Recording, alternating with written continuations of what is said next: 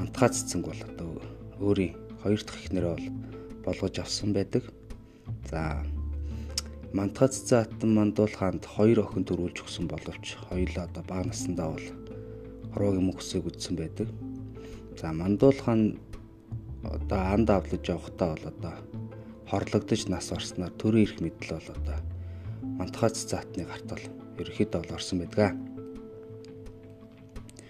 За энэ үеэс бол ерөнхийдөө ямар үг ард олны өмнө гарсан бэ гэвэл ноёдын өхөл чуулган нохоо өгтөл гүйдэлтэй гэдэг үг бол энэ үед бол ард олны дунд гарсан байдаг. Очрын үн гэвэл одоо тухайн үед байсан мандуул хааны нэг ганц дуу болох одоо Баян мөнх жонон байна.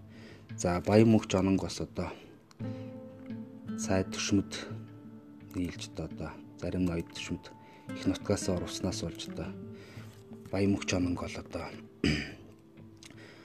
хороосон байдаг. За ялангуяа Мандуул хаан Баян мөх жононгийн хоёр хооронд бол маш их хэмжээний бол яс хайсан байдаг гэж төгс сударт бол дурдсан байт юм а.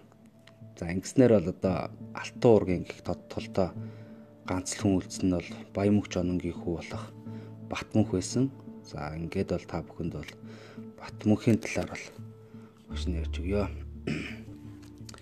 За Батмөнх бол одоо Баян мөх жононгийн хүү юм За багасаа эцэгхээсээ хагдсан. За төмөр адаг гихч хүн бол түүний гэртээ өсгөж улмаар бол одоо мандхай хатанд бол хүргэж өгсөн байдаг. За 1479 онд түүнийг 7 настай байхад Мандуул хааны баг хатан мандхай түүнтэй гэрлэж Бат мөнхийг Монголын их хааны шин хаан ширээнд бол суулгав.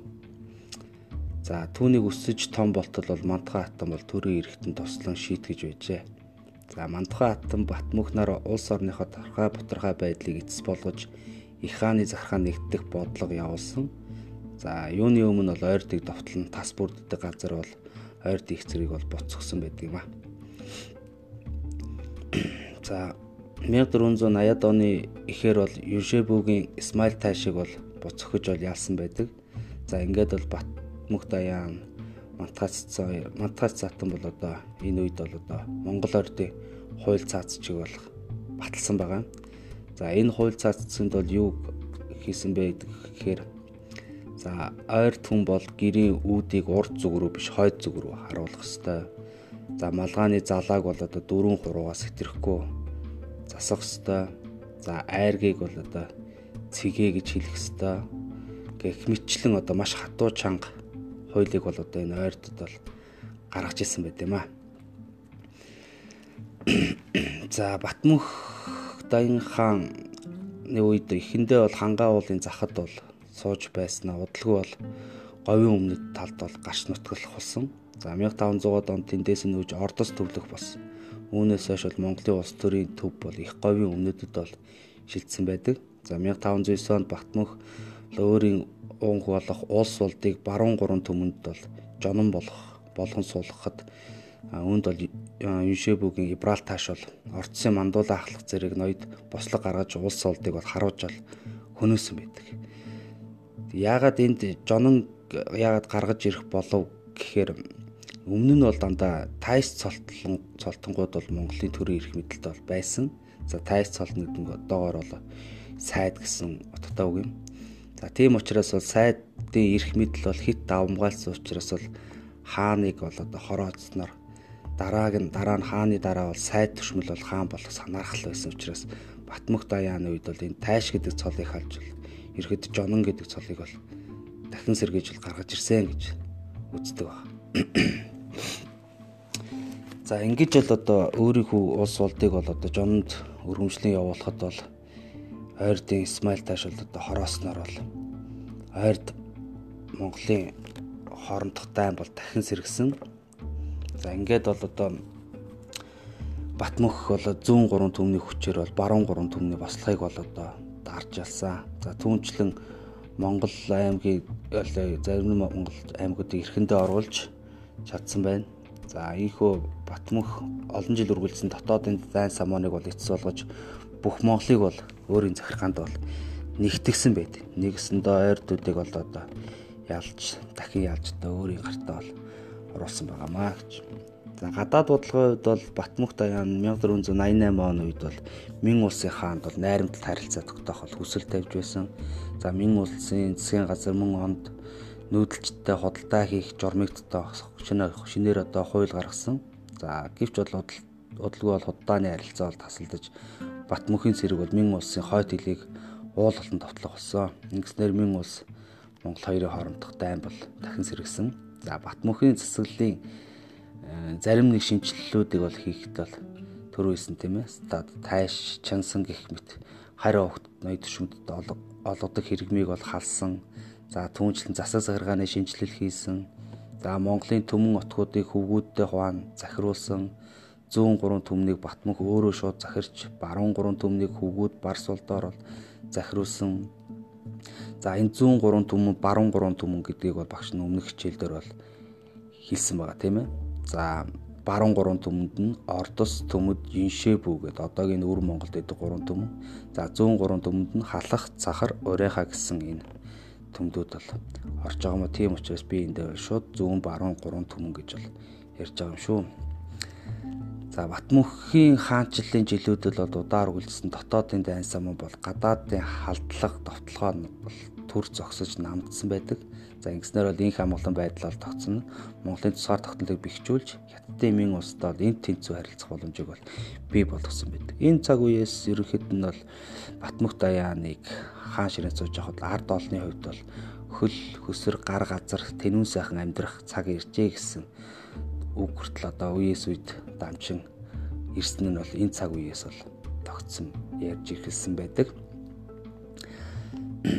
За Нөгөө талаар бол э, энэ их хаантай өрсөлдөхөцтэй хаад ноёдыг олноор төрүүлэн гаргаснаар бол хааны цэцэг сулран дөрөөх сэжмийг бол бий болгосон байгаа. Мөн Батмөх Даяа 1517 онд бол нас орж хөвгүүн барсуулт нь бол хэсэг хугацаа төр ирэхийг барьсны дараа Батмөхийн ахмад хөвгүн төр болны хөв бод алаг хаан их хаан болсон. Үүнээс хойш бодийн угсааныхан Монголын хааны суурийг үе улиран залгамжлах болсон байдаг юм аа. За эндээс ингэж харах юм бол ер нь бол Батмөх Даян хаан хаан ширээнд сууснаар Монголын төрийн байдлыг бол одоо нам утгаж за мөн ойрд Монгол халах Монголыг нэгтгсэн за улс төр болон гадаад байдлаа бол батцуулж тэнцвэржүүлсэн байдаг. За мөн 40 төмөн гэдэг нэр цолыг бол халсан байгаа юм хуучин бол 40 түмэн монголчууд гэж ярьдаг байсан бол Батмөх Даян хааны үед бол төмтөнтөө бол 40 түмэндээ хүрэхгүй байсан учраас бол 40 түмэн 6 түмэн болгож хуваасан байдаг юм а. Тэгээ энэ 6 түмэнг дотор нь баруун зүүн гэж бол одоо хоёр хэсэг болон хуваасан байдаг ч үү дээ.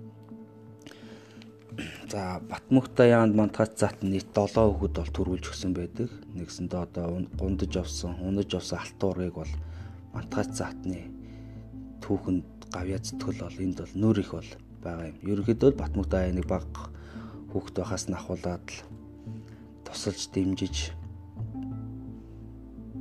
хүүхд байхаас нь ихийн хайраар хайрлаж за тэгээ том болоод л одоо өөрөө хатан болж одоо энэ бол хүүхдүүдийг бол ерөнхийд нь төрүүлсэн байдаг. За Батмөх даяаны 1482-оос 1527 он буюу 45 жил бол одоо Монголын төрийг бол барьсан байдаг. Буюу 70 настай. 70 настай одоо нас орсон гэж үздэг. За соёлын хувьд бол одоо монголчуудыг бол нүүдлийн соёл иргэжлийг нь бол хадгалан үлдсэн. За шашин шүтлэг зүйл бол ерөөхдөө төр засаг бол хаан засаглаараа бол дэмжин явагддаг байсан За Батмөх дайныг таал төгснөд дараа одоо ямар хуу үйл явдал бол ерөнхийдөө бий болвоо гэж тийм ээ. Тэгэхээр Монголын уламжлалт заршлаар бол одоо Ахмад өвгөний үр ачнаар Монголын хааны бол орыг заламжлан суух ёстой. За цахар төмөн төвлөж 103 төмөн зөглөн захирах ёстой байсан. Гэтэл Батмөх Даян хаан амьд сэрүүн байхдаа 1527 онд баруун 3 төмний жонон Барс улдад хаан суурэ шилжүүл өгснөөс Алтан урганы дотоодын хаан ширээ булаацалтах бол хямрал бол дахин сэргсэн байдаг. За Даян хааны Ахмад өвгөн төр болдыг л ураг бод алаг тайж 1528 онд 103 түмнэ авч 8 цагаан герт мөргөж хаан сууя гэж л одоо ихэд нь очисон байгаа. Барс улдын хүч нь бол буура байсан учраас Тэвэнд бол одоо хаан ороод эргүүлэн өгөөд бол удалгүй бол Барс улд бол таалт өгсөн. За Бодолог хаан бол 1528-аас 1547 оны үед бол хотол улсын амар тогтооны төлөө хүчлэн чармайсан боловч тодорхой үр дүнд бол хүрээгүй учраас феодлын ботрол явах улам бол ширүүссэн байгаа ба. Нэгсэнд бол хаад нөгөө дээдхэн судлаа олохгүй бол доотхон судлаа олдгүй гэдэг шиг хаад ноёд өөрсдийнхөө язгууртнууд одоо хаан ширээний төлөөх тэмцэл хүчтэй өрсөнснөөс болж одоо зарим нэгэн хаад байгаад бол золиос болж байгаа. Энэ үед бол их ихэн ажиглагдаж байгаа юм. За түүний дараа Төмдийн Алтан хаан бол хаан ширээн гарт. Умард Монгол улсын дунд үеийн их нэгдлийн дараа бол Батмөх Даян одоо хаан хуан өргөмжлөх дүрм хэрэгжүүлснээс бол Монголд шинээр бутралан задрах байдал бол бий болж орон нутагт улс төр аж ахуйн талаар бий даасан өдид феодал эзэд бий болов. За феодал гэдэг нь одоо ерөөхдөө язгуурт нь ноёдуудыг бол хилээд байгаа шүү дээ тийм ээ. За ингээд эдгээрийн дотроос бол Төмдийн Алтан хаан бол сүр хүчээр бол хамгийн их байсан байна. За дайруулсан гүдэн хааны үед Алтан хаан Монголын хааныг нүдэнд авчихгүй хааны эрх мэдлийг илээр хуваах болов. Тэрээр дайруулсан гүдэн хаанд хэлсэн нь ширээний эзэн хаан цолоо аван төрөө төвшдгөө гэж. Чи идүүгээ хааны төрийг хашигч хан химэн өчүүхэн цол буй бүлгөө гэж одоо хэлсэн байна. За нэгсэнд бол одоо өөрсдийнхөө хаан ширээний төлөө эрх мэдлийн төлөө л одоо энэ зүйлээс бол ажиглагдаж байгаа юм л да. За эртнаа тэгээд одоо хойш Монголын ноёд бол үнэхээр одоо тухайн үед бол Алтан хааны үлгэр дуурайл болон Төвийн хааны захиргааг дагалгүй тус тусдаа туг хийсгэж хааны эрхийг бол гажуу туснаас Умардын улсын нэгдэлтэй байсан төр өдөрч Монголын нийгэм самуун дахин үргэлжлэх болсон байна гэж. Тэгэхээр нөгөө л улс төрийн бодлын анхны хичээл дээр дөрвөн шалтгаан байгаа гэж хэлээдсэн тийм ээ. Бүгд л бие биес бие биесээ даасан одоо эдийн засгийн хувьд нь тусдаа байх хэрэгтэй гэх. Нэгэсэнд бол энэ дундад зууны үед бол монголчуудын ард түмэн бол сэтгэл санааны хувьд гурван зүйлдэл ерөнхийдөө тодорхой байгаад. За энэ юу нөхөр нэгэн зарим хэсэг нь бол одоо хаан бол байсан дээрээ хаантай байж бид нар бол одоо улс их орон инх тайван байна. Бидрийг хамгаалах хүн бол яалтчгүй хаан юм а гэдэг зарим нэг хүсэх хүмүүс байсан. А гэтэл зарим нэг нь бол хаантай байгаад бол ерөөсөө хэрэггүй аль эртнээс нааш хаантай байлаа бидний одоо амьдралд ээлсэн зүйл ерөөсөө байдаггүй. Тэр ч байтугай л бүхэл зовлон энэ татвар төлөлт энэ хүмүүсийн амьдрал бол хойл цааз нь хатуу хтүү энэ хавал цаазанд бол ард түмний амьдрал бол хитрхи их зовлон амсж байна гэж үзсэн. А харин зарим хэсэг нь бол одоо заатаа өстой хаантаач байсан яах вэ? Хаангуж байсан яах вэ? Аль нь ч бол хамаа алга гэж одоо явсан. Ерөнхийдөө тухайн үеийн ард түмний сэтгэл санаа бол иймэрхүү гурван зүйлдэл бол хуваагдчихсан байдаг. Иннээсээ болоод нөгөө сэтгэл санааны хувьд, оюун санааны хувьд ив нэгдэлгүй болж тархаа бутархаа байсан эцэстээ бол одоо монголчууд манжийн дарлалд бол орох болсон бас нэгэн том шалтгаан шүү дээ. Хамгийн гол нь ив нэгдэл болон оюун санааны хувьд нэгдмэл байх ёстой гэдэг бол үзэл суртал энэ үед бол ерөөхдөө алдагдсан байх. Тус бүрдэл өөрсдийн гэсэн эрх ашигын төлөө өөрсдийн гэсэн одоо байр суурийнхаа төлөө түүнийг бол хамгаалахын төлөө бол одоо янз бүрийн аргаар бол тэмцэжсэн нь бол энэ үед харагддаг. Аа мөн дотоодын байдлыг нь ажилласан гадныхан хүртэл ялангуяа мин улсын зүгээс хүртэл тийм ээ. Одоо гадаад зүгээс нь бол одоо бас хооронд нь яс хаях, хооронд нь тэмцэлдүүлэх, хин нэгэн эрх мэдэлтэй эрх мэдэл шунсан, эд агуурс шунсан хүмүүстийг алт эрдэнэс торог дурдангаар одоо өөрийн талд ажилуулах ингэж ноёдыг одоо нэгсэнтэй худалдаж авах, худалдаж авсан ноёдуудаараа бусад ноёдын хооронд талцуулах, эсвэл нэг нэгний хооронд нь гүйжирдэж худлаа илүүлэх гэсэн байдлаар монголчуудыг бол дотроос нь бас ингээл хагардлуулж байгаа явдал бол тухай үед бол байсан юм аа гэж. За За ингээд төмдийн Алтан хаан гэдэг нэртэй энэ Алтан хаан бол одоо тухайн үед бол монголчуудын оюун санааны хувьд бол бас нэг тодорхой хэмжээний байр суурь олсон байсан. За дайруулсан гүдэн хаан эцэстээ бол алтан тэргүүтэй баруун гурван төмөн ноёдод бол хавчигдаж бол ялагдлуулж исэн. 1547 оны 7 сард Харьяат сахар төмний 10 гаруй төмөн өрхөө авч одоо зүүн тийш буюу хянганы уулыг давж Ляодон хэмээх газар бол одоо шар мөрний сав газарт бол ирж нутаглаг болсон. За цахруу зүүн тишээ нүүсний дараа Ахмад Алтан хааны одоо Ахмад өвгүн дүүрэн сэнг хунтайж бол цахрын хуучин нутгийг бол булан эзэлж өөрийн болгож авсан. Түүнээс хойш 30-аад онд Алтан хааны төрөмгөл болмаар тэлж нутаг дэвсгэрээ өргөдөх аян дайны зогсоо загуй явуулснаар Монголын ард түмэн дайн дэшний гайхамшигыг бол хаширтлал одоо тухайн үед бол амссан гэж. Хэрэг дээр бол баруун гурван түмэн нь бол Монголын дотоодын самууны дайныг сурулж орон болж Алтан хаан түүний том толгойлогч нь бол болсон гэж Алтан хааны хүч нөлөө бол ихснэр эцтэй Умард Ян улсын их хааны эрдэнэт эрдэнэт бол санаарах уу. За энэ тухай бол эрдэнэт онол нэрц сударт оршуу хэмээх буюу Алтан хаан эрдний одоо Пагулам хувлаан хааны байгуулсан номын шишин бай төрийг санаж өдрүүл умарцсан шүнд бол унтцах эрхэт сэтгэлгээ хүсв гэж бол битүүгээр заасан бол заалтыг бол үндэслсэн байдаг. Алтан хаан бүх Монголын иргэшээлд оруулахад 1577 онд бол Хөхнөөрт Цавчаалын сүмийг бол байгуулж 1578 онд тус сүмд төвдийн шарын шний тэргүүн содном жамстай болцсон уулз түүнд богдох хамгийн мэдгч очир дараал Далай лам хэмээх бол цолыг бол өгсөн байд. За содном жамцаас Алтан хаанд Сэцэн хаан хэмээх бол цолыг өгсөн. За энэ нь бол урд Пагуламаас хувлаад өгсөн цол байдаг. За Алтан хаан шарын шний нөлөөг бол ашиглаж Монгол улсын хамгийн дээд нойрох эрхийг тэмцэх тэмцэн авах гэсэн чухам санаа илэрхэн байна гэж.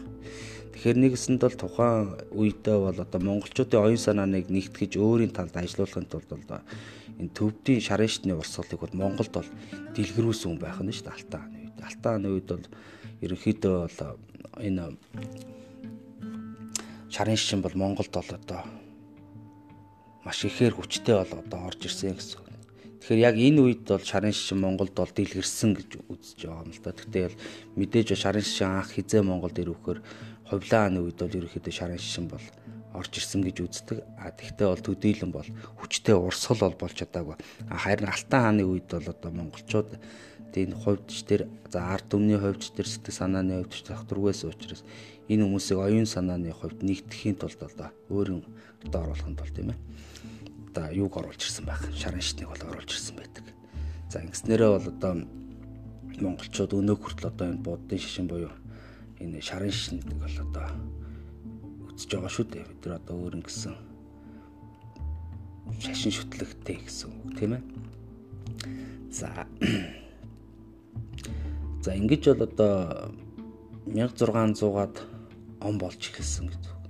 Ингээд одоо 1600 16 буюу Лэгдэн хааныг бол хаан ширээн цуух явцад бол одоо зүүн өмнөд талд Монголын зүүн өмнөд хэсэгт одоо шинээр нэгэн улс бол Мандан бадарсан байдаг. За тэр улс нь бол одоо бид одоогийн бидний мэдих одоо Манч чин улс гэж бол одоо нэрлэдэг байгаамаа. Тэгэхээр энэ улсын талаар бол одоо ерөөхдөө өнөө одоогийн хичээлд бол цавхал дурдъя. За ерөнхийд нь бол түүний дараа бол одоо манжин талаар илүү дэлгэрэнгүй бол төлөө үзэх болно. Гэхдээ одоо бид нар ямар он цагуудыг сайн мэдэж авах вэ гэхээр за Юан гүрэн анх байгуулагдсан он тийм ээ. За дараа нь Юан гүрэн мөксөн он байж гин. За түүний дараа бол одоо эдгээр хаад ноёдын дотор Монгол улсад хэдэн оны үед ямархуу байдалтай байваа гэдэг гол гол онуудыг нь бол би дахиж хэлье. Гэхдээ өмнөх юм талаар цахимэр хичээлд орж байхад бол багш нь замбар дээр бол бүх онуудыг бич та нараар цээжлүүлж ирсэн. Тэгээ тэр оныгоо хэдүүлээ дахиад нэг санаа тавцгаа тийм ээ. За 1260 онд ховлоо ариг бүх хоёр бол Монголын төрд бол шинээр бол өөрсдөө хаан болж орсуулсан. За 4 жил байлцсан нийцэд бол Хувлааны ялтаар буюу 1264 онд Хувлаахан албан ёсоор Монголын их хаан болсон. За 1271 онд бол Юан улсыг бол байгуулсан байдаг. За 1368 онд Тогон төмөр хааны үед Юан улс улаалч ортны бослогоор мөхсөн байгаамаа. Бээжингээс нэгсэндээ цугтсан гэсэн үг тийм ээ. За 1368 онд Юан улс бол бутарсан. За үүний дараа 1616 онд бол одоо энэ умар талтай ус байгуулагдсан. Одоогийн манж гэсэн. За 1636 онд баруун гарын 3 төм буюу ордос төмөд иншээ бүүнэр бол одоо манжид дагаар орсон байдаг. Манжаа бол одоо Абхан хааныг бол өөрийн хаан гэж үзснээр хожуу алтан улсын нэрийг өөрчилж одоо Манччин ус бол болгосон байгаа. За үүний дараа 1640 онд бол одоо ойрдууд халах монголчууд одоо хоорондоо ил тархтан нурууны Улаанбураа гэдэг газар бол халах хойрдын хууль цаацчийг баталсан. Энэ хууль цаацчийг бол 44 2-ын хууль цаацчгээ гэж хэлээд байдаг. За 44 2-ын хууль цаацчиг. Энэ хуулийг яах гэж баталсан бэ тийм ээ. За шинээр байгуулагдсан манж улс нь бол маш хүчрхэг байсан. За өнөөдөр 1644 онд бол одоо энэ хуулийг батсны 4 жилийн дараа бол одоо Мин улсыг бол эзэлж авсан байдаг шүү дээ. Тэгэхээр бол Мин улсыг эзэлж авсан бүх хятадыг эзэлж авсан учраас маш хүчрхэг улс байсан. Тэгэхээр ерөнхийдөө энэ улс шинээр гарч ирж яхад нь л одоо тогтоож барья гэсэн санааг бол нэгтгэж бол энэ 44 2-ын хууль заацчиг бол халах хоёрдын ноёдууд бол баталсан байна. За энэ хуулийн гол утга санаа нь юу вэ тийм ээ? За халах хоёрдууд хоорондоо нэгдэж бол одоо энэ шинэ улсыг бол барьж авахгүй тус тусдаа бол одоо ингээд бид дайтад бол энэ шинэ улсыг бол одоо хүч хөрөхгүй нэ. Тийм учраас бол хоёр улс хоёулаа нэгдэж байж энэ манжийг бол одоо дархан зүв юм байна гэж үтсэн байдаг. За тийм ч учраас бол энэ хоёр улсын хувьд бол одоо ойрд Монгол, баруун Монгол хоёрын хооронд бол энэ 44 2 хууль заацчийг баталсан. За гэвчлээ тэр хууль нь бол одоо эсгэн зүрийн л зуур л одоо хэрэгцсэн боловч цаашдаа бол хэрэгжиж чадаагүй байна. Ийж байтугай одоо манж чингүрний зүгээс бол одоо халах хойрд хойрд Монгол халах Монгол хоёрыг хооронд нэгдүүлэхгүй гэсэн бас бодлогууд бас явуулж исэн. За ингээд л халах Монгол ойрд Монгол хоёр хоорондоо бол нэгдэж чадаагүй. За ингээд 1644 онд бол Мин ус бол манжид эзлэгдсэн. Түүний дараа 1691 онд халах Монгол манжид дагаар орсон. А 1755 онд ойрд Монгол манжид дагаар орсон байт юм а. За тэгэхээр өнөөдрийн үдсэн хичээлээр бид Юан гүрнээс хойших буюу за одоо Батмөх Даян хааны үед Батмөх Даяаны улс төрийн байдал гадаад байдал за соёлын үед монголчуудын үндсэн соёлыг авчирсан тийм ээ. За хаашаашаа яаж нүүдэлсэн Монголын нийслэлийг бол одоо урагшаа буюу өмнө говь говь хянганы хэсгэр бол одоо байрс байгуулсан байгаа юм. За мөн 1381 онд одоо хар орон мотыг галдан шатаасан Мин улсын цэргийг галдан шатаасны дараах дахин хар орон мотыг бол одоо цэргэн засварлаж барьсан байдаг Тэгээ Батмөх даяаны үед бол ерөөхдөө сухас дурдж тийм ээ товчоор одоо иймэрхүү зүйлийг л одоо ерөөд илэнхээ хүүхдүүд та бүхэн өөрсдийн сонирхож байгаа хаад ноёд эсвэл сонирхож байгаа зүйлсээ бол одоо өөрсдөө эрэл хайж судалж өшөөд илгэрүүлж бол одоо үзээрэй багш нь бол ерөөхдөө та нарт товч өгөө тодорхой зүйлүүдийг бол өнөөдрийн энэ хичээлдээ бол тосглоо. За бид дараагийн хичээлээрээ манжчин ус сийн талаар бол үзнэ. За ингээд анхаарал тавьсан та бүхэндээ баярлалаа.